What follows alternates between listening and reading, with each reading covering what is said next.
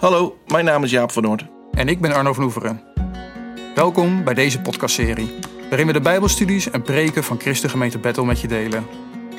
Onze gemeente ligt midden in het groene hart van Nederland, in het prachtige Boskoop. Bethel betekent Gods huis. En wij geloven dat zijn huis een thuis mag zijn. Een thuis voor ons allemaal. Of je nu wekelijks bij ons binnenkomt of ons online hebt gevonden. Waar je ook bent. Welkom. Welkom.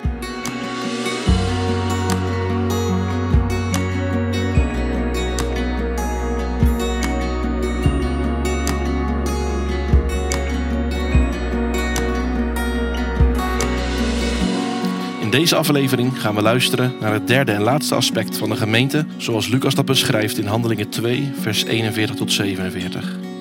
In de vorige podcast hebben we het gehad over het breken van het brood en de onderlinge gemeenschap. In deze aflevering gaan we het hebben over het onderwijs van de apostelen.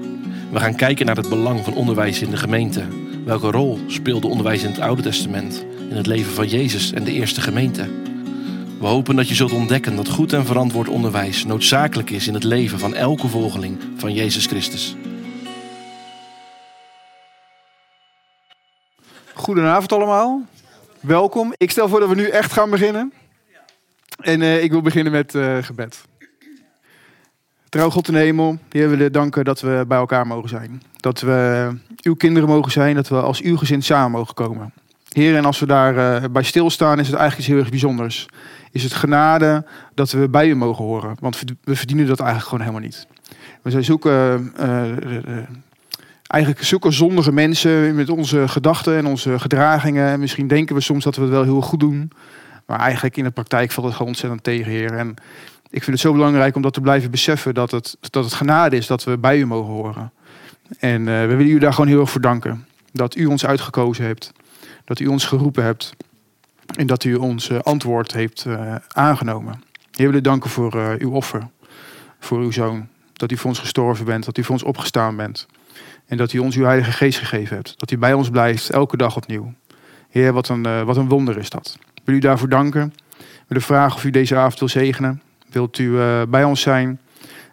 in ons luisteren, in ons spreken. Heer, wilt u ons hart aanraken. Dat wat we vanavond mogen leren, dat we dat mee mogen nemen. Dat we daar iets mee mogen doen. Dat het dat het ons tot actie mag zetten. Dat het ons tot denken mag zetten. Dat het uh, ons mag veranderen. Heer, dat bidden we in Jezus' naam. Amen. Oké, avond 4 uh, van de Bijbelstudie. We gaan het hebben over het onderricht van de apostelen. Of onderwijs. En uh, dit is de vierde avond. En de vorige twee avonden heeft, heeft Jaap geleid. En we hebben het gehad over het breken van het brood en de onderlinge gemeenschap. En ehm, met deze avond bij komen eigenlijk tot de, de, het slot van die belangrijke verse in Handelingen 2, waarin geschreven wordt over de activiteiten van de gemeente. En in de vorige avond hebben we gezien dat hele, hele praktische dingen waren. Het breken van het brood, de maaltijd, het belang van maaltijd en eten door de Bijbel heen. En uh, wat dat voor ons mag betekenen. Dat wij een, een gemeenschap zijn die met elkaar mogen optrekken, uh, met elkaar mogen eten. En dat dat eten in onze tijd misschien heel erg vanzelfsprekend is, maar dat het iets is waar we ontzettend dankbaar voor mogen zijn. Dat dat er is. En dat we het met elkaar mogen delen. En dat we in dat delen het contact met elkaar mogen hebben. De relatie met elkaar mogen hebben. Maar dat is niet alleen tussen ons, maar ook met God. En dat is het mooie van die relatie, vind ik altijd. Van, van, van uh, ik zie dat altijd als een soort driehoek vormen. God, mezelf en de ander, de naaste, iedereen. En dat zijn jullie. En die drie dat is gewoon een belangrijke basis. Als je één daarvan weghaalt, één lijntje daarvan weghaalt, dan, dan klopt er eigenlijk al iets niet meer. Um, en eigenlijk zag je dat in dat breken van het brood daar ook weer in terugkomen. Dat we vanuit God um, naar de ander toe, uh, met, met de ander mogen zijn eigenlijk gewoon. En daarin iets van Gods licht mogen laten zien.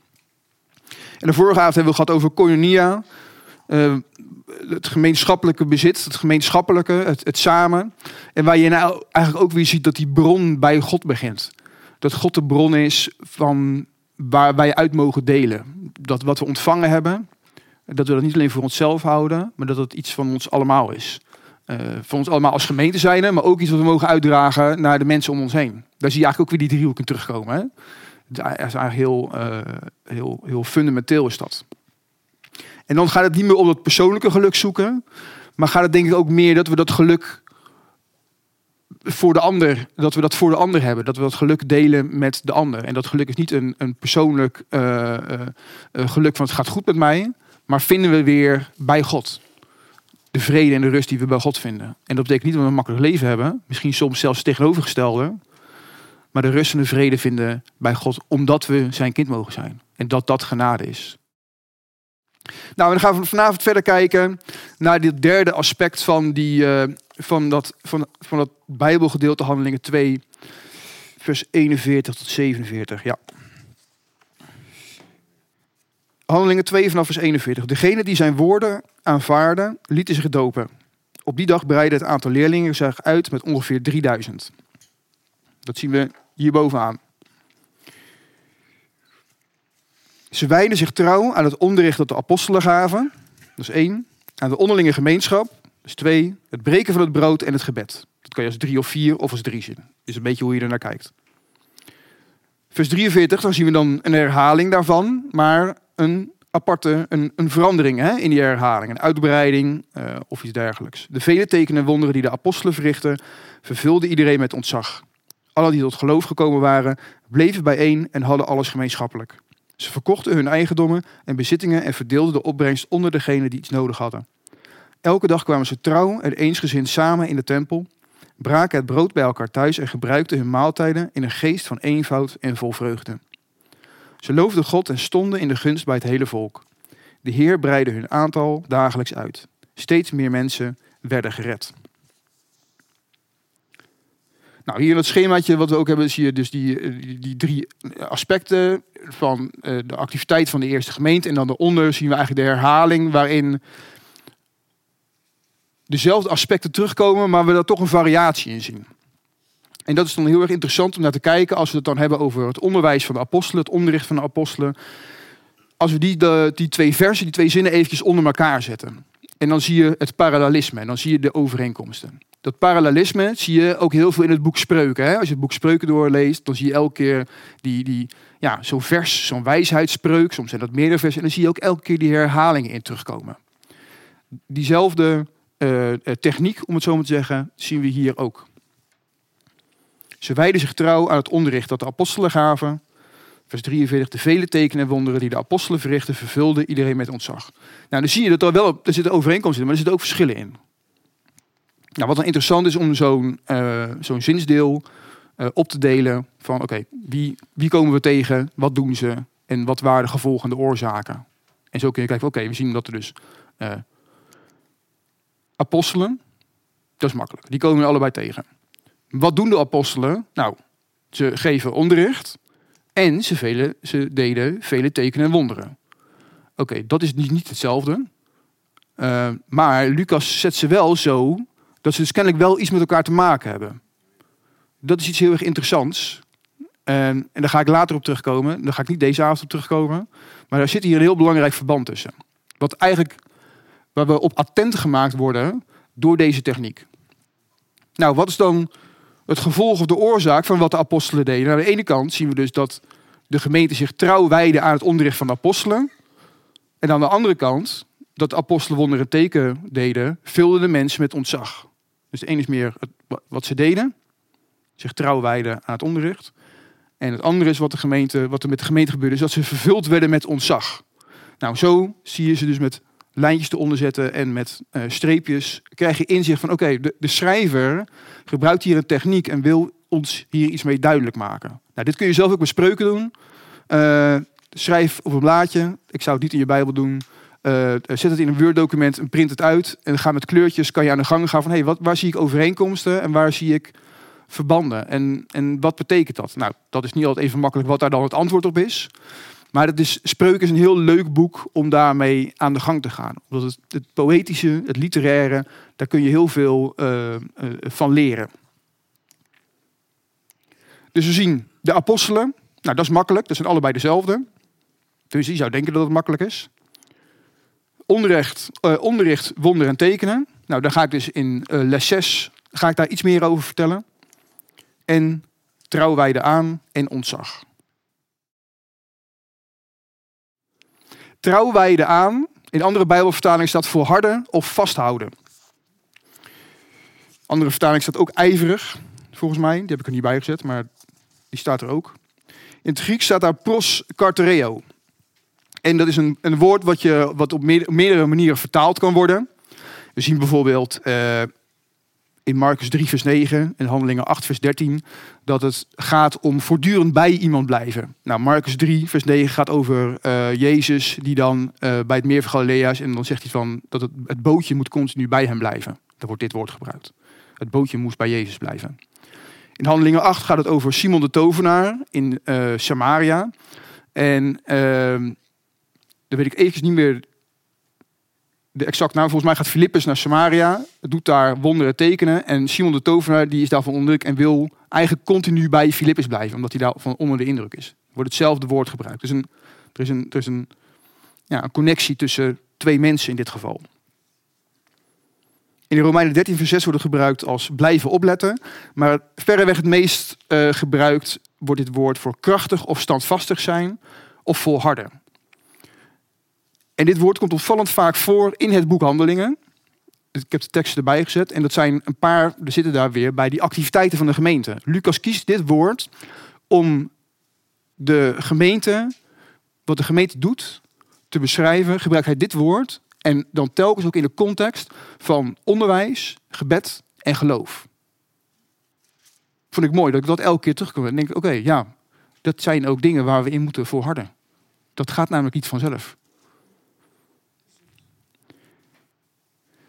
Het is ook altijd interessant te kijken van hey, hoe. we kunnen kijken van hoe komt het woord in de Bijbel voor. Maar we kunnen ook kijken van hoe gebruikten de, gewoon de mensen in die tijd. in het gebruikelijke dagelijkse Grieks dat woord nou eigenlijk. En dan werd het woord veel gebruikt voor een slaaf die bij zijn meester moest blijven. Die zijn meester achtervolgde. En toen dacht ik ja. Uh, wij noemen Jezus Heer. Wij noemen Jezus onze meester. En wij zijn zijn dienaren, doulos of slaven. Want we zijn geen slaaf van de zonde meer, maar Jezus heeft ons vrijgekocht. En zijn wij in principe Jezus slaven. Maar, wat zegt Jezus in Johannes? Ik noem jullie mijn vrienden. En we zijn kinderen van God. Maar dus daar begint die gedachte dan wel. En denk van ja, zo zit het ook met ons. Maar eigenlijk net een beetje wat Jaap vorige, vorige week vertelde van hoe de Griekse filosoof een bepaald woord gebruikte. Zo zie je dat in de Bijbel dat ook gebruikt wordt, maar er wordt een extra lading aangegeven. En er zit extra er zit extra diepgang zit erin. Omdat, het, omdat onze God gewoon anders is. Voor mij gaat het woord dan meer leven. Ik oké, oké, dit, dit, is, uh, dit is het woord wat Lucas gebruikt als het gaat over trouw wijden aan. Ze wijden zich trouw aan. Dat kan uh, betrekking hebben op al die drie aspecten eigenlijk. Uh, maar in, de, in, ja? Het gaat in principe over allemaal, maar uh, hij, de, de, de, de waarde van dit woord, dus wel leuk, omdat we uh, ja, maar ik geef samen de Bijbelstudie, maar we overleggen niet alles. Dus soms ontdek je iets wat je niet met elkaar kan delen. Dus ja, dat is mooi. Dus de, de diepte van het woord raakt mij. Ik dacht, ja, uh, het gaat ook over het onderricht aan de apostelen, maar het heeft ook betrekking op allemaal eigenlijk. Dus dit mag je, mag je op alles betrekken. Dat, dat heeft dan dus te maken, als je daarover nadenkt, heeft het te maken met, met volharden. Maar het heeft ook te maken dan voor mij met oefenen. Het is ook niet iets wat in één keer lukt. Weet je wel? Soms hoor je wel eens mensen van ja, het lezen van de Bijbel, uh, moeilijk, eh, vind ik lastig. Uh, ja, ik doe het niet zoveel meer. En dan denk ik, nou, dat, dat, begrijp ik heel erg. Ik, ik veroordeel dat niet, ik begrijp dat heel erg. Maar er zit ook iets in van oefenen. Het zit ook iets in van, ja, maar, maar blijf, er nou, blijf het nou toch maar gewoon proberen. En het gaat ook met vallen opstaan. Soms zijn er periodes waarin je minder bidt, minder Bijbel leest, minder geestelijk bezig bent, of, of, noem het maar. Dat kan gebeuren, dat, die periodes kennen we allemaal. Ik denk niet dat we onszelf vrome voor hoeven te doen uh, dan dat. Maar dan is het weer zo mooi en belangrijk dat je dan weer opstaat. En dat je denkt van oké, uh, ik wil dit wel heel graag, maar vorige keer is het me niet gelukt. hey, wat kan ik daarvan leren? Dat heeft ook te maken met volharden. Het heeft ook te maken met gehoorzaamheid. Bidden, uh, geloven, vertrouwen op God. Um, het onderwijs volgen heeft ook gewoon te maken met, ja, maar soms heb ik er misschien gewoon geen zin in. Maar komt er ook gewoon een stukje gehoorzaamheid bij kijken van, oké, okay, nou, ik, moet het, ik moet het gewoon doen. Het moet gewoon gebeuren. Ja, discipline is dan een goed woord wat daarbij past. Ja, is een vies woord tegenwoordig hoor. Discipline. Ja. Discipline is een vies woord geworden. Ja, ik denk dat dat komt omdat eh, we geen dienstplicht meer hebben. Dat denk ik. Maar ja, ik heb in het leger gezeten, vrijwillig. Eh, en, en, maar dan, daar moest ik trouwens wel aan denken aan dit soort dingen. De dingen die wij moesten doen, dat was ook niet altijd leuk. Eh, maar om een goede militair te zijn, eh, moet je volharden en moet je doorgaan. En denk je dat je niet meer verder kan, maar je kan eigenlijk altijd wel verder. Nou, wil ik dat niet helemaal vergelijken, maar er zit wel, er zit wel een stukje discipline in, inderdaad. Ja. En, en dat vinden we niet meer leuk om te horen tegenwoordig. Ja, dat klopt. In vers 43 zien we dan, hè, want het, het trouwwijde aan en ontzag, dat koppelde aan elkaar. Voor het woord ontzag ehm, wordt het Griekse woord phobos gebruikt. Nou, dat komen we tegen in Handelingen 9, vers 31. Efeze 5, vers 21. Dat zijn twee voorbeelden. Handelingen 9, vers 31 staat... In heel Judea en Galilea en Samaria leefde de gemeente in vrede en kwam tot bloei. De gelovigen leefden in ontzag voor de Heer... en dankzij de bijstand van de Heilige Geest nam hun aantal steeds meer toe. Dat is weer zo'n tekstgedeelte waarin je die, over die activiteit van de gemeente leest. En wat daaruit volgde. Ontzag, phobos, wordt daar gebruikt. Fobie? Nou ja, het, het woord wat we, wat we, waar we wat van kennen is natuurlijk de vrezen des heren. Daar wordt hetzelfde woord uh, gebruikt. Vrezen des heren. En dat is natuurlijk wel een, en in een nieuwe vertaling wordt het gebruikt, uh, ontzag voor God. Het zit er ergens tussenin. Het is wel meer van, oeh, ik heb ontzag voor God. Er zit wel iets meer diepere lading in. Maar angst is dan ook weer niet het goede woord. Maar ik denk dat fobie wel hier, dat zou best wel hier vandaan kunnen komen inderdaad. Ja, meer. Ja, ga je kijken naar uh, de teksten, die, die kennen we denk ik wel. Hè? Spreuken 1 vers 7. Het begin van alle kennis is ontzag voor de Heer. In de oude vertaling is dat de vrezen des Heren. En dwaas veracht de wijsheid en weigert elk onderricht. Daarin zie je eigenlijk natuurlijk weer hetzelfde van, een, er wordt een Grieks woord gebruikt, wat kan gaan over angst of vrezen. Uh, dat past misschien bij een slaaf. Uh, maar wij zijn niet alleen slaven. Uh, we zijn geen slaaf van de zon, we zijn vrienden van Jezus. We zijn kinderen van God geworden. Dus dat, dus dat, dat, dat phobos, dat ontzag, dat vrezen des Heren, is niet meer angst uit van oeh, als ik niet luister, dan, dan, dan krijg ik straf van God dat is, niet, dat is gewoon niet de goede motivatie en niet de juiste emotie die daarbij past. Is net iets als ik wel eens mensen of ja, niet te hard rijden, want anders krijg ik een bekeuring. En denk, hé, dat moet niet de reden zijn om niet te hard te rijden. Gewoon omdat het niet mag. En er is een reden dat het ook niet mag. Als je een ongeluk krijgt, dan heb je een probleem met de verzekering. En uh, er zijn gewoon heel veel hele goede redenen om niet te hard te rijden. Maar angst voor een bekeuring is eigenlijk een hele slechte reden. Vind ik altijd. Dus de motivatie die erachter schuil gaat naar God toe, de ontzag voor God we hebben, het hoort geen angst te zijn. Maar een liefdevol van de dankbaarheid die we ervaren voor wat God voor ons gedaan heeft. Dat Hij ons gemaakt heeft, dat deze schepping gemaakt heeft. Alles wat we van Hem gekregen hebben. En hoe groot Hij is. En hoe klein wij zijn. Uh, vanuit die nederige houding dat we naar God mogen kijken. En daar hoort dan ontzag uit voor te komen. En we zien dat het ontzag voorkomt uit de wonderen en tekenen die de apostelen verrichten. Ik denk dat het ontzag ook voortkomt. En over die wonderen en tekenen ga ik in les 6. Uh, dat je nu denkt, nou, daar ga je heel snel voorbij, Arno. Dat klopt. In les 6 gaan we hier meer over zeggen, over wonderen en tekenen. Waar ik ook heel erg aan moest denken, is wat er gebeurde met die toespraak van Petrus. Petrus houdt, de Rijer heeft de laatste preek overgehouden. De toespraak van Petrus, waarin hij de mensen toespreekt die reageerden van, uh, op de tongentaal. De Heilige Geest werd uitgestort. De discipelen gingen spreken in tongen. Uh, en uh, vroegen van, wat gebeurt hier? Paul, uh, Petrus gaat een toespraak houden. En dan lezen we aan het einde, toen ze dit hoorden, waren ze diep getroffen. En vroegen aan Petrus en de andere apostelen, wat moeten we doen, broeders? Petrus antwoordde, kom tot inkeer, laat u alle dopen in de naam van Jezus Christus om vergeving te krijgen voor uw zonden dan zal de Heilige Geest u geschonken worden. Want voor u geldt deze belofte, evenals voor uw kinderen en voor alle die ver weg zijn en die de Heer onze God tot zich roepen, tot zich zal roepen.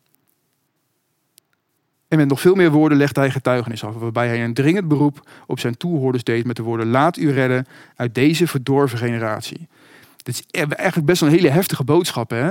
Peter zegt ook van Jezus, 40 dagen geleden, was de Messias en jullie hebben hem doodgemaakt. Je zal het te horen krijgen.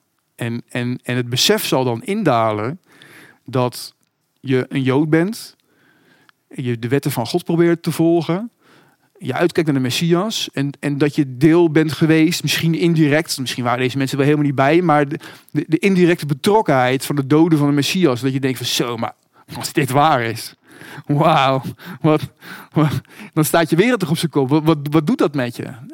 Angst, ontzag, heel diep ontzag. En de vraag van, wat moeten we in hemelsnaam doen? Wat- hoe moeten we hiermee omgaan? Dat gaat hier schuil achter. En ik denk dat daar ook heel erg dat ontzag vandaan komt. Van, maar nu is eindelijk aan het gebeuren wat we, waar we al zo lang naar uitgekeken hebben. Waar we al zo lang op wachten is. Dat, dat moment maken we nu mee. Daar staan we gewoon middenin. Dat moet iets gedaan hebben. Dat moet volgens mij ook dat ontzag opgeroepen hebben. Wat moeten we doen, broeders? En dan het woordje onderricht of onderwijs. In het Grieks is dat didache. Eh kan vertaald met leer, doctrine, onderwijs, onderricht.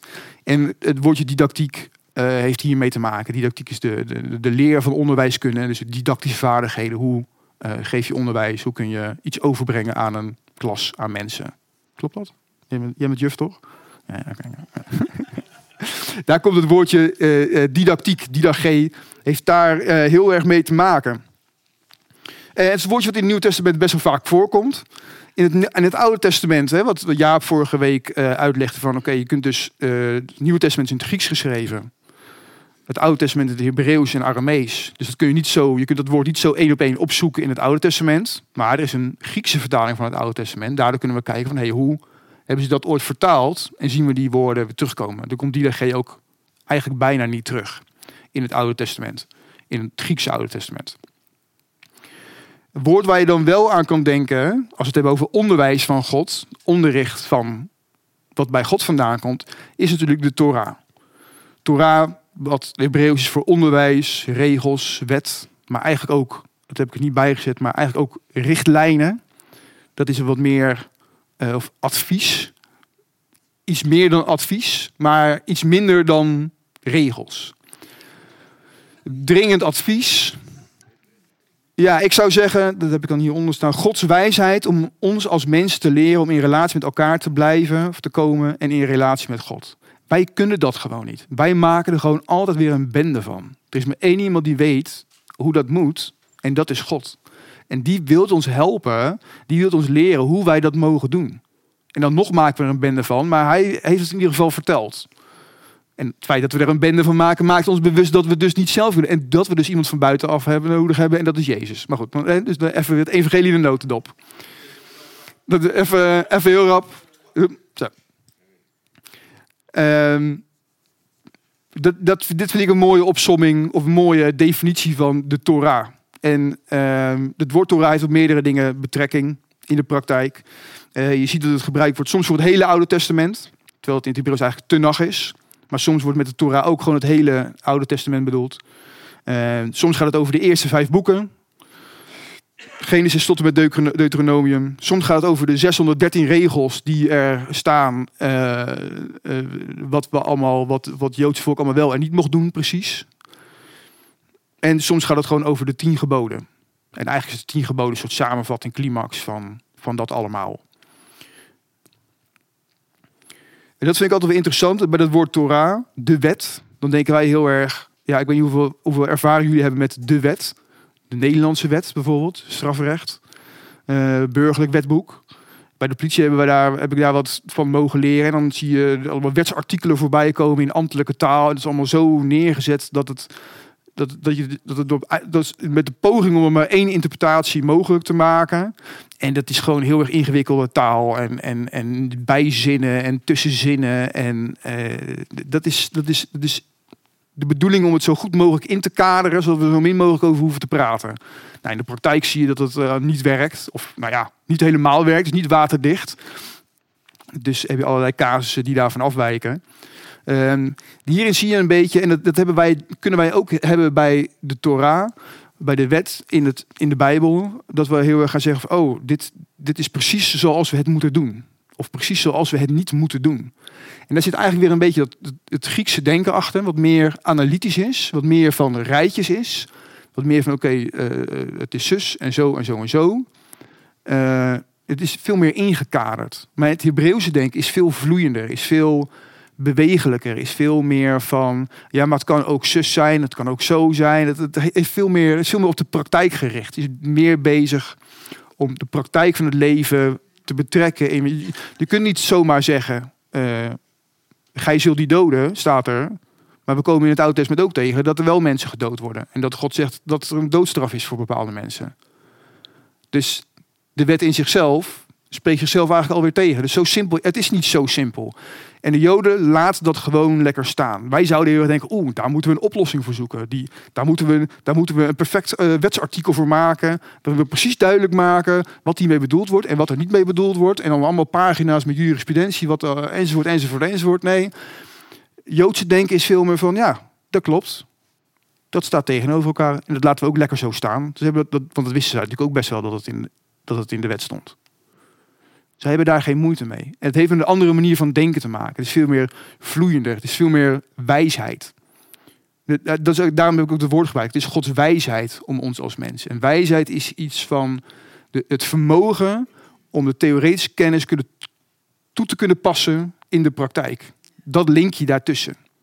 En kennis is theoretisch. Dat is heel erg belangrijk. Maar als je alleen maar analytisch Grieks denkt, dan gaat het alleen maar over die, over die kennis. En Joden zeggen meer van ja, het is allemaal mooi en aardig. Maar ook de wijsheid naar de praktijk. Hoe gaan we dat doen? En dat is relationeel gericht. Dat vind ik een heel mooi onderscheid. Dan is het natuurlijk interessant om, uh, dat hebben we in deze studie ook al meerdere keren proberen te doen, van uh, wat nou de lijn door de Bijbel heen, zeg maar, als we het over onderwijs hebben, over, over de wet hebben, over uh, ja, Gods wijsheid voor ons met betrekking tot relaties. Relatie tot elkaar en relatie tot God. Dus daar dan dat het onderwijs over gaat. Het is natuurlijk super interessant om te kijken van, maar waar begint het nou eigenlijk? En dat is zo mooi, hè? Dan begint het dan vaak in het eerste hoofdstuk. Wat is het eerste wat God zegt? Genesis 1, vers 26 tot 30. God zei, laten wij mensen maken die ons evenbeeld zijn, die op ons lijken. Zij moeten heersen over de vissen van de zee en de vogels van de hemel. Over het vee, over de, vele, over de hele aarde en over alles wat daarop rondkruipt. God schiep de mens als zijn evenbeeld. Als evenbeeld van God schiep hij hem. Mannelijk en vrouwelijk schiep hij de mensen. Hij zegende hen en zei tegen hen: Wees vruchtbaar en word talrijk. Bevolk de aarde en breng haar onder je gezag. Heers over de vis van de zee, over de vogels van de hemel en over alle dieren die op aarde rondkruipen. Ook zei God, hierbij geef ik jullie alle zaaddragende planten en alle vruchtbomen op de aarde. Dat zal jullie voedsel zijn. Aan de dieren die in het wild leven, aan de vogels van de hemel en aan de levende wezens die op de aarde rondkruipen, geef ik alle groene planten tot voedsel. En zo gebeurde het. Heersen over de schepping. Dit, God is hier gewoon onderwijs aan het geven. God is hier gewoon aan het vertellen zijn wijsheid over hoe wij met de schepping, met elkaar om horen te gaan. Heersen over de schepping. Dat woord heers heeft ons een hele negatieve lading. Uh, als je gaat kijken naar wat daarmee bedoeld wordt, gaat het over de, de, verantwoordelijkheid die een koning had om voor zijn volk te zorgen. Nou, in de Bijbel komen daar heel veel slechte voorbeelden van. Maar de bedoeling is dat een volk, dat een koning is aangesteld om voor zijn volk te zorgen. Zoals een, en wij zijn in die zin als koningen aangesteld over deze schepping. Zorg te dragen, verantwoordelijkheid te dragen. Dat, het, dat, een, dat, het, dat deze schepping functioneert en gezond blijft. Gods beeld zijn. Soms hebben we daar het idee van dat, we dan, dat wij als mensen zo geschapen zijn dat we lijken op God. Nou, dat, hoeft, dat hoeft niet per se onwaar te zijn, maar dat is niet wat, waar het hier over gaat. Het heeft hiermee te maken dat wij uh, ambassadeurs zijn uh, van God op deze aarde. God heeft ons als, als een, een, wat, koningen vroeger deden, was als ze in hun koninkrijk wilden laten zien dat zij daar autoriteit hadden, zetten ze daar een beeld neer. Van steen of van hout of iets dergelijks. Uh, en in tempels stonden, hadden goden uh, beelden staan. Zo zijn wij een beeld van God op deze aarde. Met de bedoeling om de God zichtbaar te maken. Om te heersen over de schepping met de autoriteit die God ons daarvoor gegeven heeft. Daar heeft een, een beeld uh, zijn te maken. en vruchtbaar te zijn. Dat we dat plan wat God heeft voor deze schepping, dat we dat, dat, voor deze schepping, dat we dat mogen laten toenemen. Dat heeft niet alleen te maken met kinderen krijgen, wat soms wel eens gezegd wordt. Nee, die, die vruchtbaarheid kan op zoveel manieren kunnen wij, dat, dat, kunnen wij vruchtbaar zijn. In alle diversiteit die we als mensen gekregen hebben. En we zitten allemaal zo verschillend in elkaar. We hebben allemaal van God mogelijkheden gekregen om vruchtbaar te zijn in onze omgeving. Ja, de vrucht van de geest komt hier uh, inderdaad heel mooi uh, naar voren. Ja, zeker. Ja. En het zijn de gave talenten die ons laten zien hoe wij in onze omgeving die vruchten zichtbaar mogen maken. Dat heeft allemaal, het is allemaal met elkaar te maken. Ja, de wijnstok. Ja, ja, ja, ja zeker. Genesis 2, vers 16 tot 17. Dat is het, het tweede, het tweede scheppingsverhaal, tweede versie, tweede ik doe vers 15. De Heer, bracht, de Heer God bracht de mens dus in de tuin van Eden om die te bewerken en erover te waken. Hij legde hem het volgende verbod op. Van alle bomen in de tuin mag je eten, maar niet van de boom van de kennis van goed en kwaad. Wanneer je daarvan eet, zul je onherroepelijk sterven. Wijsheid van God. Je mag van alle bomen eten, behalve van die ene. En dan gaat de mens dat juist doen. Inderdaad. God legt niet uit waarom niet. Dan moeten we gewoon, uh, hadden we dat gewoon niet moeten doen. Gewoon gehoorzamen. Soms uh, moet je gewoon gehoorzamen en niet vragen waarom. Of vragen waarom en accepteren dat je dan geen antwoord krijgt. Dat gebeurt ook wel eens bij God. Hè? Dat we vragen aan God van waarom gebeurt dit? En dat we geen antwoord krijgen. En dat het antwoord dan misschien gewoon is. Ja, doet er niet toe. Vertrouw maar gewoon op mij. Ja, of je snapt het niet, of, of, je, of hij weet dat we dan toch weer wat te klagen, te mekkeren hebben. Dus ik denk van, nou, ik begin niet, ik leg gewoon niks uit. Misschien is dat ook wel, dat zou ik dan denken, ik kan een heel verhaal houden en uitleggen waarom. Maar ja, daar gaan we ook weer een heel pad in. Dat heb ik, dat heb ik tenminste wel eens, maar... Dan maken we onze eigen theologie ervan inderdaad, ja. Het gevolg is in ieder geval onherroepelijk sterven.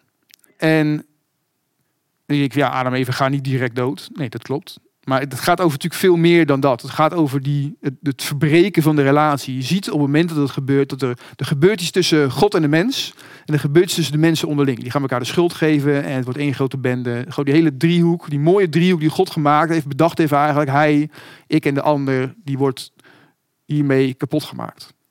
Gods wijsheid, maar helaas hebben, heeft de mens daar niet naar geluisterd. Je ziet eigenlijk Genesis 1 tot 11 dat daar een vervolgens, dat, dat hier iets begint waar we niet luisteren naar Gods wijze, dat het, dat alleen maar erger wordt en dramatischer wordt. Moord en, en uh, gedoe. Vanaf Genesis 12 zien we dan eigenlijk een verhaal beginnen over God die een familie, een, een, een persoon, een gezin, of eigenlijk een echtpaar uitzoekt om een volk te beginnen. Abraham. Nou, en dat is een heel bijzonder verhaal en op een gegeven moment komt dan die wet langs, de Torah langs. Door de Bijbel alleen, eh, het volk van Israël krijgt de wet om toch een soort van poging te doen om die relatie met Gods wijsheid eh, te verbeteren. Gebeurt niet. Het volk van Israël komt in het beloofde land. Er zijn koningen, en als je dan het boek Rechters leest, en één en twee koningen en twee kronieken, daar komt er heel vaak deze twee zinnetjes voor. Iedereen deed wat goed was in zijn ogen. En hij deed wat slecht was in de ogen van de Heer. En hij geeft dan even vaak met leiders en koningen te maken. En dat zinnetje dat elke keer weer terugkomt. Staat gewoon in tegenstelling tot het onderwijs dat God ons gegeven heeft. Die wijsheid om met elkaar en met God in relatie te komen.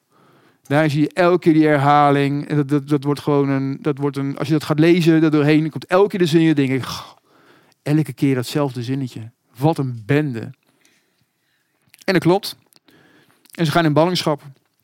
En in die periode, na de ballingschap toe, tijdens de ballingschap en na de ballingschap, in die periode, de zesde eeuw voor Christus, zie je dat de meerdere profeten aan het woord komen. Profeten die het volk nog willen proberen te wijzen van uh, weer terug naar de wet, terug naar wat er bedoeld was, terug naar het onderwijs wat God gegeven had om die relatie te herstellen. Maar dat lukt niet. De mensen kunnen dat niet. En je ziet dan dat uh, meerdere profeten daar uitspraken over doen. En twee daarvan kennen we wel, denk ik. Bekende tekstgedeeltes. Ezekiel 36, vers 26 tot 27.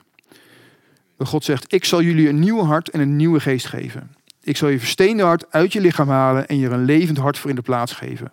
Ik zal jullie mijn geest geven en zorgen dat jullie volgens mijn wetten leven en mijn regels in acht nemen. En hier zie je in dat God gaat zal gaan voorzien in het feit dat wij het gewoon niet kunnen. Wij kunnen dat onderwijs niet volgen. Daar moet iets, daar moet iets van binnen gebeuren. Hier moet iets veranderen. Want het uiterlijke van je mag dit niet doen, je mag dat niet doen. Dat theoretische, het werkt gewoon niet. Het, het, het, moet, van, het moet van binnen uitkomen. En dat zie je bij Jezus. Als hij eh, vanuit de berg reden, begint hij gewoon met een hele andere. Begint hij, begint hij te praten over een hartsgesteldheid. Uh, de gelukkig de treurende, gelukkig de, de, de, de zaligsprekingen. Gelukkig de nederige van hart. Uh, allemaal dingen waar je denkt van, ja, daar word ik helemaal niet gelukkig van. Dat is helemaal niet leuk. Nee, het laat iets zien van een hartsgesteldheid die wij nodig hebben in dat koninkrijk van God. We hebben Gods geest nodig om, om daar verandering in te brengen. We kunnen dat niet op eigen kracht. En ook met Gods Heilige Geest. In deze gebroken wereld zullen we nog steeds falen. Uh, maar, er, maar er is wel iets essentieels veranderd. Iets heel erg belangrijks is daar veranderd. Andere, andere tekstgedeelte wat heel bekend is Jeremia 31. Vanaf uh, 31 tot 34. Ik heb hier staan 32, maar daar kan je 31 van maken. De dag zal komen, spreekt de Heer, dat ik met het volk van Israël en het volk van Juda een nieuw verbond sluit. Een ander verbond dan dan, dan ik met hun voorouders sloot. Toen ik hen bij de hand nam om hen uit Egypte weg te leiden. Zij hebben dat verbond verbroken, hoewel ze mij toebehoorden, spreekt de Heer. Maar dit is het verbond dat ik in de toekomst met Israël zal sluiten, spreekt de Heer. Ik zal mijn wet in hun binnenste leggen en hem in hun hart schrijven. Dan zal ik hun God zijn en zij mijn volk. Men zal elkaar niet meer hoeven te onderwijzen met de woorden leer de Heer kennen, want iedereen van groot tot klein kent mij dan al. Spreekt de Heer. Ik zal hun zonde vergeven en nooit meer denken aan wat ze hebben misdaan. Deze twee teksten zijn gewoon heel een, een, een samenvatting van die, die beloftes en, en waar het volk van Israël naar uitkeek. Van oké, er moet iets veranderen. Dat gaat komen.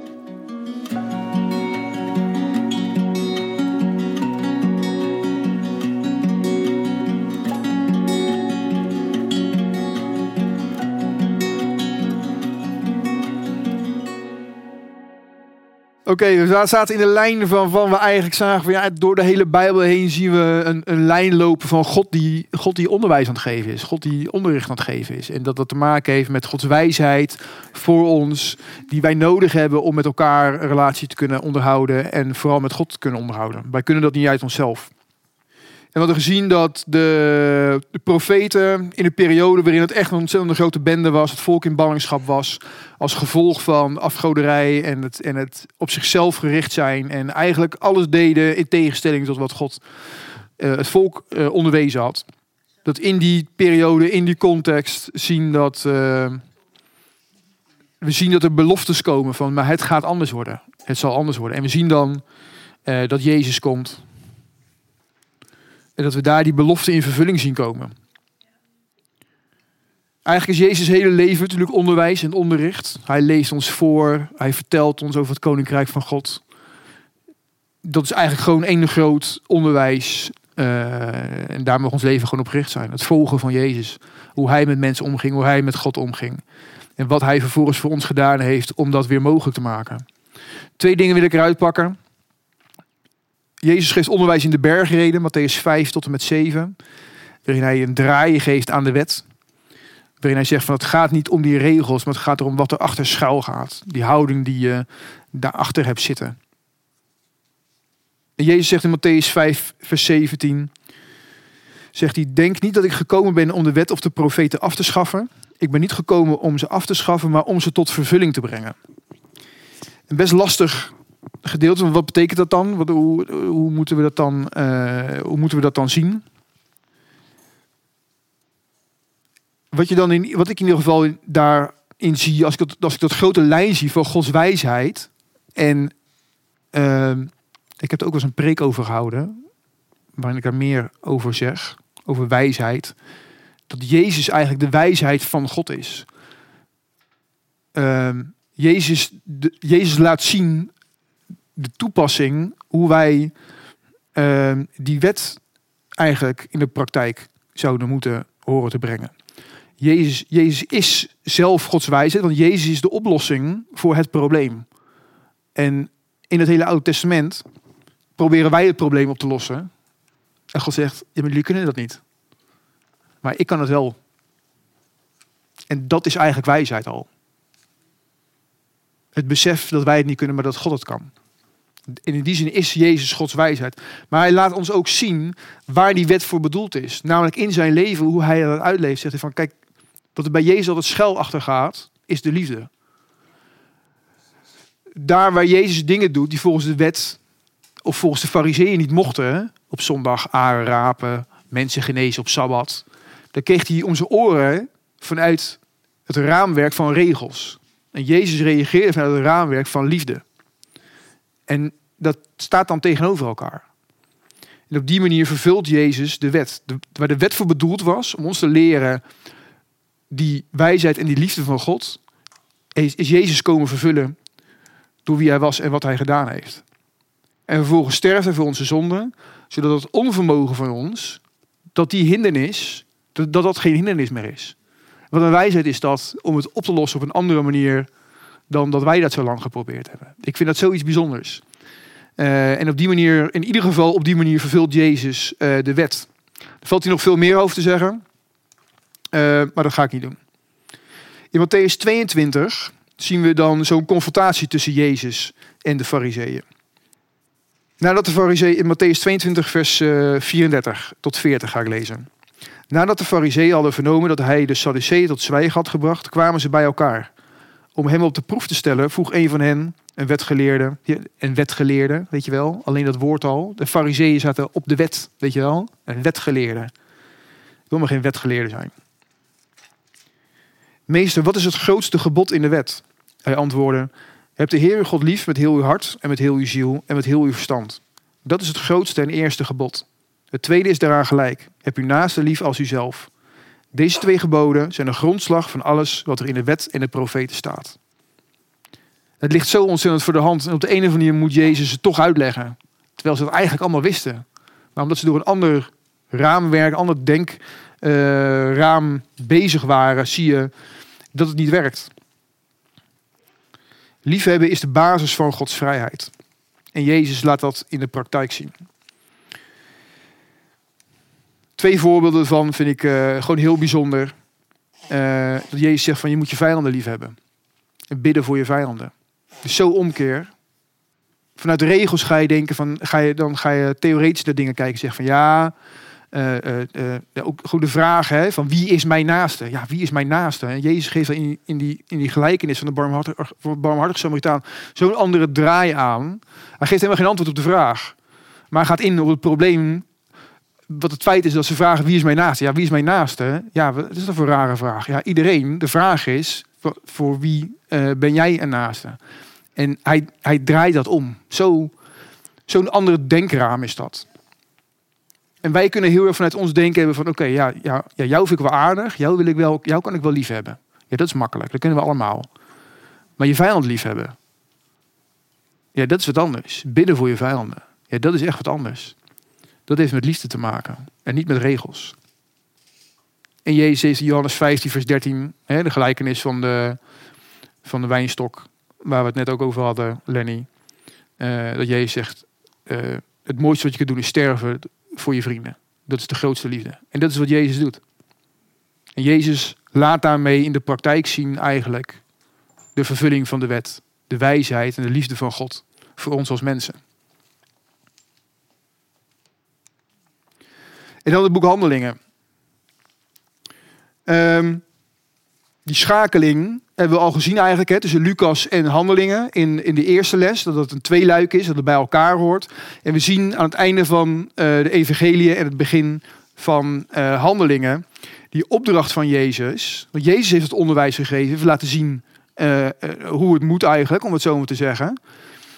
maar Jezus geeft vervolgens ons de taak om dat onderwijs verder te geven opdracht van Jezus aan de discipelen om te onderwijzen. Het einde van Matthäus 28, vers 19. Bekend tekstgedeelte. Uh, het einde van Lucas 24 en de handelingen 1, vers 2 tot 3. Jezus die het onderwijs, zijn onderwijs aan de discipelen geeft en de opdracht geeft van mij, nu mogen, nu mogen jullie gaan onderwijzen. En dat zien we eigenlijk door het hele boek uh, Handeling heen. En wat ik er zo mooi aan vond, is dat waarin je in het scheppingsverhaal ziet dat God zijn zorg voor de schepping en verantwoordelijkheid voor de schepping delegeert aan ons. Dat wij Gods beeld mogen zijn op deze aarde. En hij ons in vertrouwen neemt en de verantwoordelijkheid geeft om dat te mogen doen. Dat Jezus dat, dat eigenlijk ook weer bij ons doet. Alleen in de woorden van onderwijs gebruikte dat. Maar eigenlijk zie je daar gewoon hetzelfde gebeuren. Zoals God de zorg voor zijn schepping delegeerde aan hem even, zo delegeert Jezus eigenlijk het onderwijs van God aan zijn discipelen. En die dan zijn apostelen worden. En die dan de Heilige Geest krijgen om dat ook daadwerkelijk te kunnen doen. En het is mooi dat we dan lezen in eh, Handelingen 5 vers 42 dat ze dus dagelijks onderwijs volgden. Of in de tempel, de plek waar men gewoon vaak samenkwam in die tijd. Uh, of bij iemand thuis. Gewoon dagelijks onderwijs.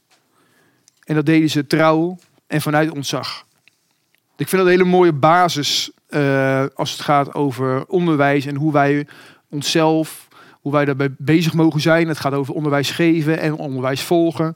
Um, dat, dat, dat dat voorbeeld van de discipelen van de eerste gemeente voor ons ook een voorbeeld mag zijn.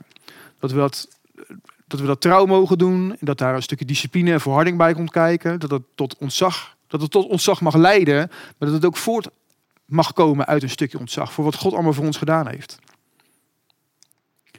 Als je dan kijkt naar handelingen en naar de inhoud van wat, wat was nou eigenlijk, wat was de inhoud van dat onderwijs?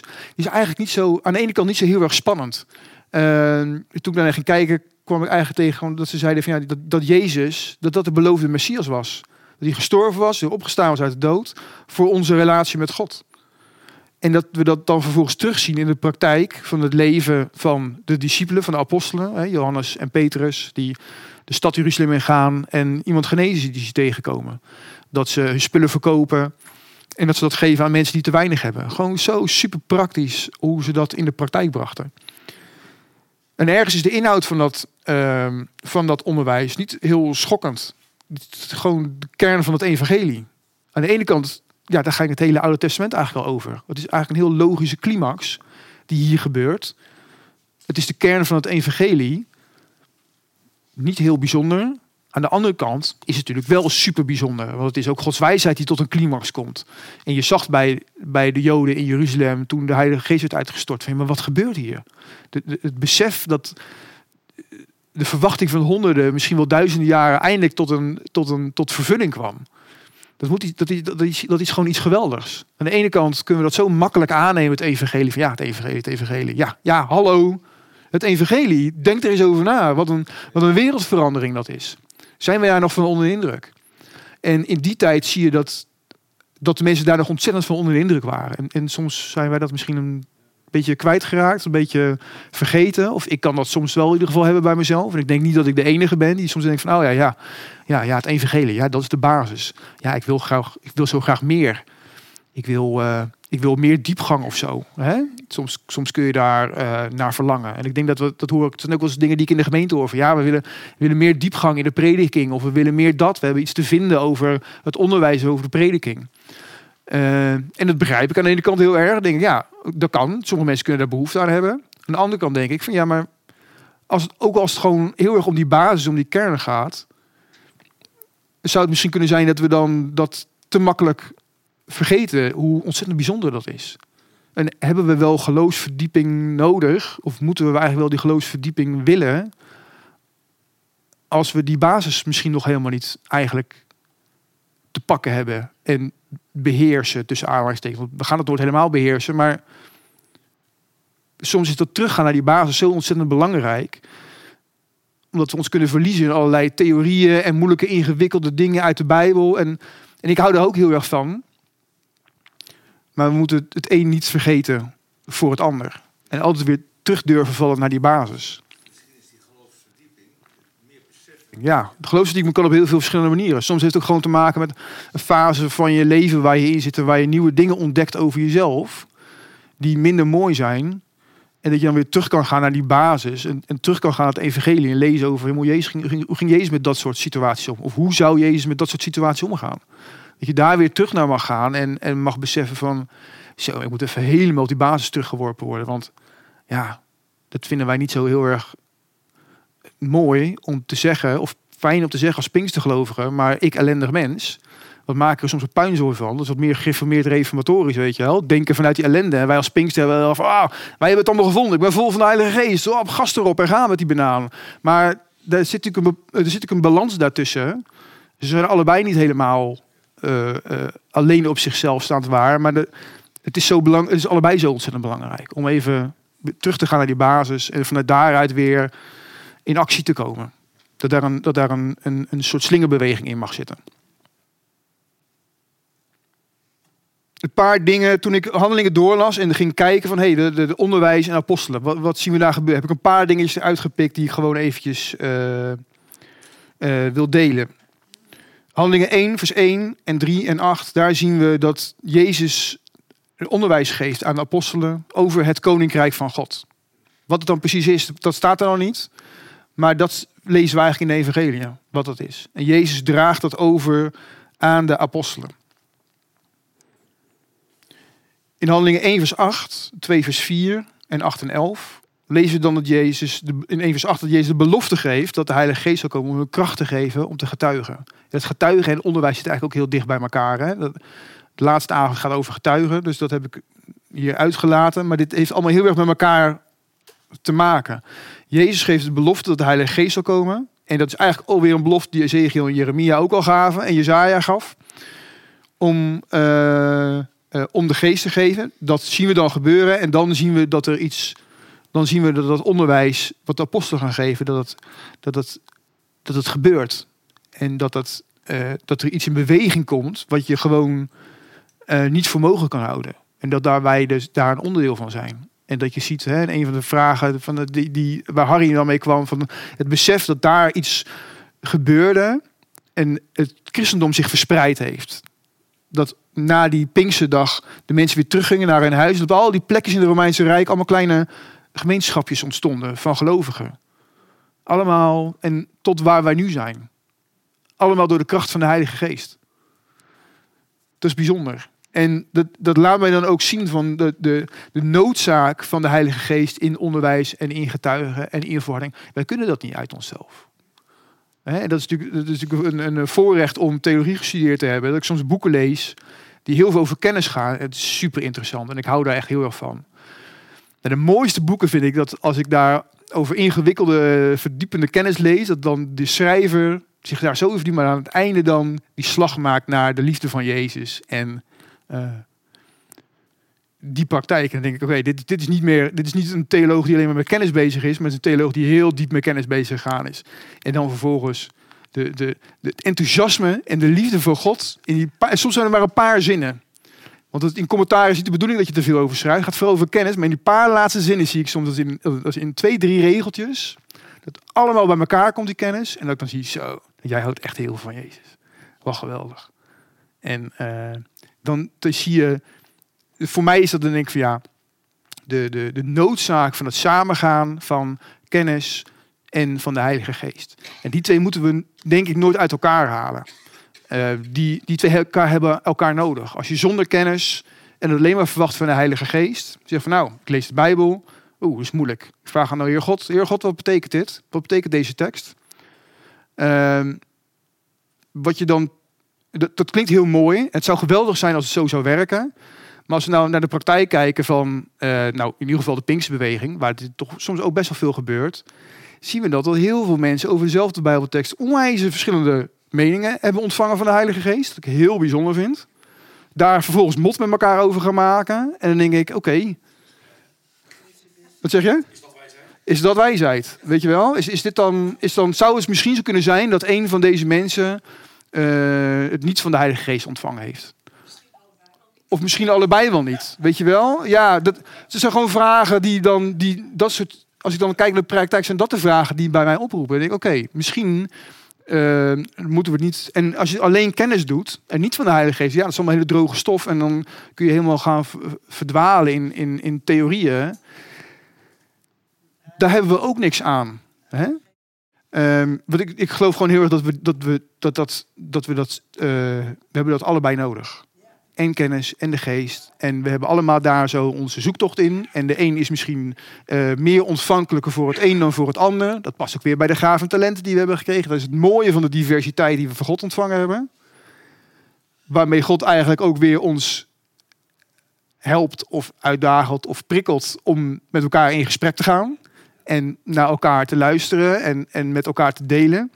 Ehm, omdat we elkaar daar dan weer op aanvullen. Wat we ook zien, eh, oh ja, een hoofdstuk 8 is natuurlijk een hele mooie uh, moment, of mooi moment, een, een, een, moeilijk moment, waarin Stefanus gestenigd wordt en de christenen vanuit Jeruzalem zich gaan verspreiden. Wat je dan eigenlijk ziet, is heel snel dat daar waar ze komen, dat ze van God gaan delen. Dat we daar onderwijs zien gebeuren. Filippus is een van de mensen die dan eventjes gevolgd wordt. En hoe Filippus dan in Samaria en bij de Ethiopië onderwijs geeft over God. Het haalt niet uit waar je bent. Onderwijs, de wijsheid van God laten zien in je omgeving, haalt niet uit waar je bent. Dat kan op elke plek. Hoofdstuk 14, vers 15 en hoofdstuk 18, vers 26 zie je dat er sprake is van uh, problemen. Um, en waar je ziet dat, uh, ja, dat het ook niet, dat, daar, ook daar al zag je dat niet iedereen het met elkaar eens was. Dat er verschillende, toch verschillende visies waren. 18 vers 26 gaat over uh, Apollos, die naar uh, Efeze komt. En Aquila en Priscilla, wat ik laatst ook in mijn preek genoemd heb, die horen Apollos heel erg enthousiast. Een man die spreekt met vrijmoedigheid, geweldig, maar er mist iets. En als je dan iets verder leest, lijkt het te gaan over dat Apollos alleen de doop van Johannes kende. Dus de doop, bekering gaat erover, maar niet de doop met de Heilige Geest. Uh, dat hij dat niet kende. En dus hij had meer onderwijs nodig. Uh, hij moest uh, in hoofdstuk 14 gaat het, uh, zien we dat het gaat over Paulus en Barnabas, die als goden gezien wordt. Als goden gezien worden. En de mensen gaan hun als afgoden aanbidden. En dat moet, uh, dat moet weerlegd worden. Zo moet op aangesproken worden dat dat niet de bedoeling is. En dat heeft ook met onderwijs te maken. Hè? Dat is ook een aspect wat uh, erbij hoort. Correctie, uh, niet alles wat we horen is ook per se goed. De stad Berea in Griekenland. Paulus komt daar langs en hij, ook daar in de synagoge gaat Paulus vertellen over Jezus, over de Messias, over het Koninkrijk van God. En we lezen daar over de Joden die gingen de schriften bestuderen om te kijken of alles wat Paulus zei wel klopte. Dus ook mooi. Als je iets hoort, zoek het eens na. Uh, neem niet alles klakkeloos aan. Dat kan je door de Bijbel te, uh, na te lezen. Dat kan je door van, joh, met iemand anders over praten. Van, joh, hoor dat en dat. Interessante theorie. Wat denk jij daarvan? Wat vind jij daarvan? Um, dat mogen we best wel eens aan elkaar vragen. Als we iets horen van, hey, hoe, hoe denken andere mensen over? Dat we, dat we mogen toetsen wat we horen. Want er is gewoon heel veel te horen in deze wereld. 4 vers 31, waar wordt gesproken over eh, activiteiten van de gemeente. En helemaal het allerlaatste vers, Paulus in Rome 28 vers 31, waar staat dat, ze, dat Paulus met vrijmoedigheid onderrichten. Met vrijmoedigheid. Dat vind ik een mooi uh, woord.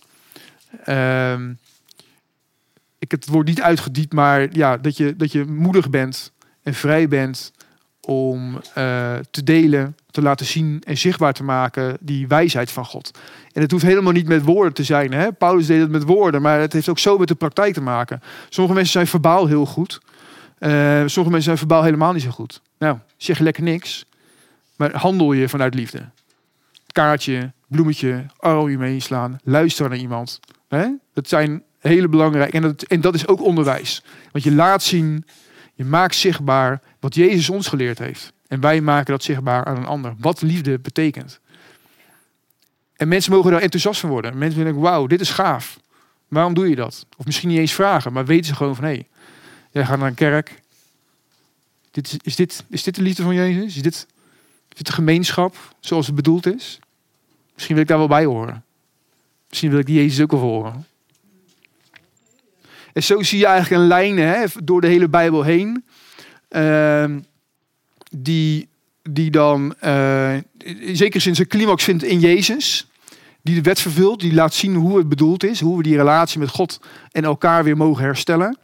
Uh, en, dat hij dat, dat hij dat doorgeeft uh, aan de apostelen. Dat hij dat doorgeeft aan de eerste gemeente.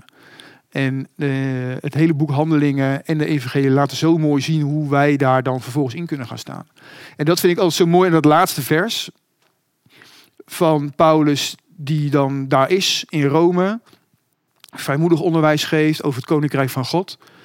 Als je dan helemaal terug gaat naar het begin van de handelingen, waar eh, dan gezegd wordt van Jezus, waar Jezus zegt van ik beloof jullie de Heilige Geest jullie kracht te geven om te getuigen in Jeruzalem, Judea en Samaria tot het einde der aarde. En ik heb in die eerste les gezegd van ja, het einde der aarde kun je zien van ja, dat is Rome. Dat is het einde van het verhaal.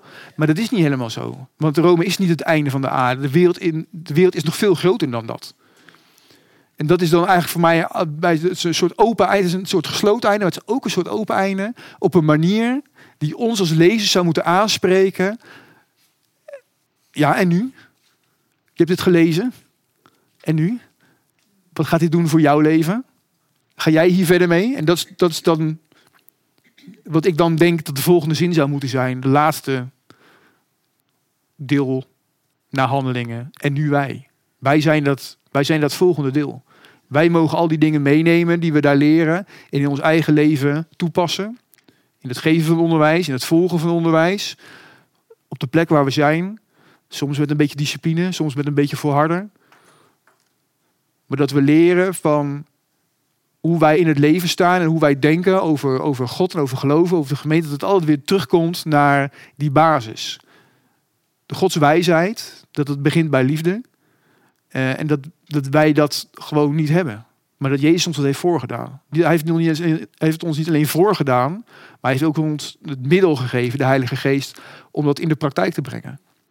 En dan nog weten we dat het met vallen op gaat gaan, dat we erin zullen falen. Maar dat is geen probleem meer. Dat is jammer. En we mogen daar blijven werken om daarin te blijven groeien. Maar het is geen probleem meer.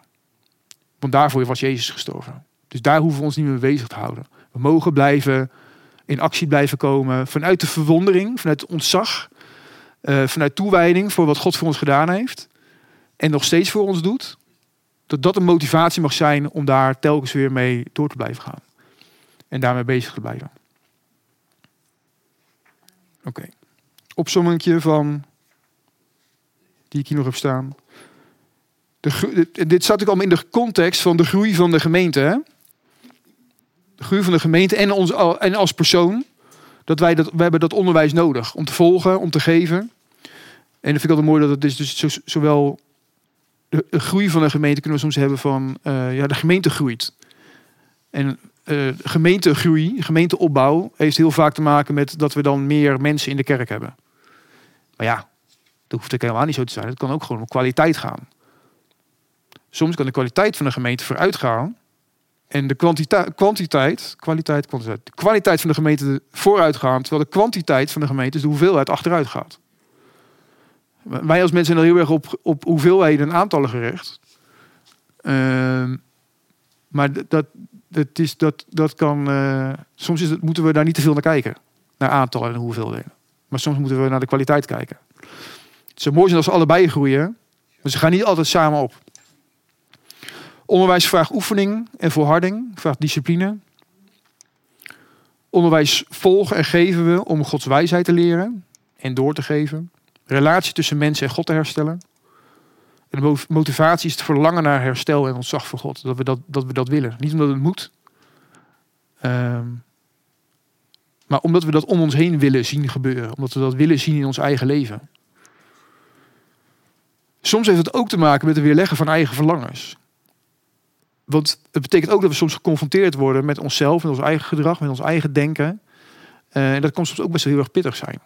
Als we alleen maar onderwijs willen hebben, uh, horen wat we al vinden. Ja, het is eigenlijk gewoon, dat is eigenlijk gewoon ja, dat, is dat dan onderwijs? Is dat dan, is dat dan een confrontatie met Gods wijsheid? Als we vanuit gaan dat we allemaal nog steeds fouten maken, dat er in ons nog dingen zijn die niet kloppen, uh, dan betekent het ook dat we soms in, in contact komen met onderwijs en wijsheid voor God die pijn doet en die lastig is. Dat hoort erbij. Noodzaak van de Heilige Geest voor onderwijs hebben we het over gehad. En vrijmoedigheid. Dan heb ik nog een paar uh, slides over apostelen. Maar uh, dan ga ik er niet een kwartier doorheen rammen. Nee, ik denk dat het goed is om eh, eh, te stoppen. Eh, waar, waar, waar het over gaat. En je hebt natuurlijk gewoon de slides, hebben jullie zelf. Dus je kan wel een beetje raden waar het over gaat. Maar heeft natuurlijk te maken met een trend van de laatste jaren over van hedendaagse apostelen. Binnen de Pinksterbeweging en charismatische hoek van de Pinksterbeweging zie je dat er mensen zijn die zichzelf eh, of zich, eh, eh, zich apostel laten noemen. Die dat voor hun naam zetten, apostel of profeet. En binnen de Pinksterbeweging zijn er best wel verschillende visies over van ja, maar hoe moeten we daar nou eigenlijk tegenaan kijken? Ehm, wat ik in ieder geval erover wil zeggen, en je, en je kunt die slide zelf lezen, is, is het belang om scherp te blijven. Niet alles aan te nemen wat je hoort, maar goed na te denken van wat, wat wordt er nou eigenlijk gezegd? Kijk naar de vrucht die mensen, eh, die voortkomt uit de levens van mensen. En die vrucht zie je niet altijd gelijk. Dus, dus, dus de, even heel eh gechargeerd gezegd, valse apostelen, dwaalleringen, ketterijen. eh, kunnen soms heel erg aanlokken. Een, een, boodschap kan soms heel erg aanlokkelijk lijken in het begin. Maar pas na jaren, jaren, jaren komen er dingen naar boven die gewoon heel erg niet kloppen. En dus ben ik altijd wel heel erg eh, voorzichtig om met nieuwe leringen, nieuwe dingen te denken van oké, laten we eens eventjes hier goed over nadenken. En niet met de volgende hype meegaan en er gelijk instappen. eh, en zeggen van oh, dit is een nieuwe beweging van de Heilige Geest. Dat kan, maar het kan ook niet zo zijn. En soms is tijd een, een, een factor die we even moeten gunnen. Om te zeggen van oké, laten we even laten we rustig zijn. Laten we toetsen en kijken naar de vruchten hiervan. Oké, ehm, zullen we afsluiten met gebed? Ja? Trouw God in de hemel willen danken voor deze avond. Willen danken voor, eh, voor de Bijbel. Dat we die mogen hebben, dat die in onze taal is, dat we daar ook mogen lezen. Dat we mogen lezen over de dingen van u, over uw onderwijs, over uw wijsheid. Dat we geconfronteerd worden, mogen worden met uw liefde. Met uw liefde voor ons, voor deze schepping, ondanks eh, al onze tekortkomingen. Heer, wat is dat geweldig. En we willen vragen of u ons elke dag weer dat wil laten beseffen. Dat we elke dag weer opnieuw vervuld mogen worden met uw Heilige Geest. Dat het mag dalen in ons hart. Dat het niet alleen kennis zal zijn, maar dat we dat, ja, dat, we dat mogen voelen. Dat we dat, dat we dat mogen ervaren. En dat we vanuit die liefde die we mogen ontvangen, uw liefde mogen delen in onze omgeving. Heer, elke dag op de meest eenvoudige plekken waar we komen, op ons werk, op, eh, op, de, sportvereniging waar we komen, in de supermarkt waar we komen, in, in het contact met onze buren of familie. Heer, dat we daarin iets van uw liefde mogen laten zien. Dat we daar een stukje onderwijs mogen geven. Heer, wil u ook danken voor het onderwijs wat, we mogen, wat we mogen ontvangen van u. Heer, wilt u ons helpen om daarin ook een stukje te volharden. Daarin een stukje discipline te leren. Om te oefenen in hoe we ons, eh, ons, ons leren, ons kennen van u mogen, mogen uitbreiden en mogen verdiepen. Wilt u ons daar de kracht voor geven? Wilt u ons daar eh, de vrijmoedigheid voor geven? Wilt u ook ons leren om daar misschien keuzes in te maken? Om prioriteiten te leggen in ons leven, waarin we misschien soms zo opgeslokt worden door alle dingen die we moeten, eh, die we willen, die we fijn vinden, maar dat dat misschien te kosten gaat van ons onderwijs, dat te kosten gaat van onze relatie met u. Heer, we kunnen zo snel meegenomen worden en we willen vragen of u ons ja, daar misschien ook attent op wil maken, ons de kracht voor wil geven om daar de juiste keuzes in te maken, dat we de juiste prioriteiten mogen leggen in ons leven. Heer, wilt u met ons meegaan? Wilt u met ons meegaan als, eh, als gemeente, als volgelingen van u, als vrienden van u, als kinderen van u? In, eh, in ons dagelijks leven. Dat we uw onderwijs, uw liefde mogen ontvangen en door mogen geven aan de wereld om ons heen. Dat bidden we u in Jezus' naam. Amen. Bedankt dat je hebt geluisterd naar deze podcast. De volgende keer gaan we verder met deze serie over handelingen. Audio, productie en muziek wordt verzorgd door Ruben van der Laagmaat. Voor vragen of opmerkingen kun je mailen naar contact.bethelboskoop.nl De aantekeningen van deze studieavonden kun je terugvinden op www.bethelboskoop.nl Dankjewel voor het luisteren en tot de volgende aflevering.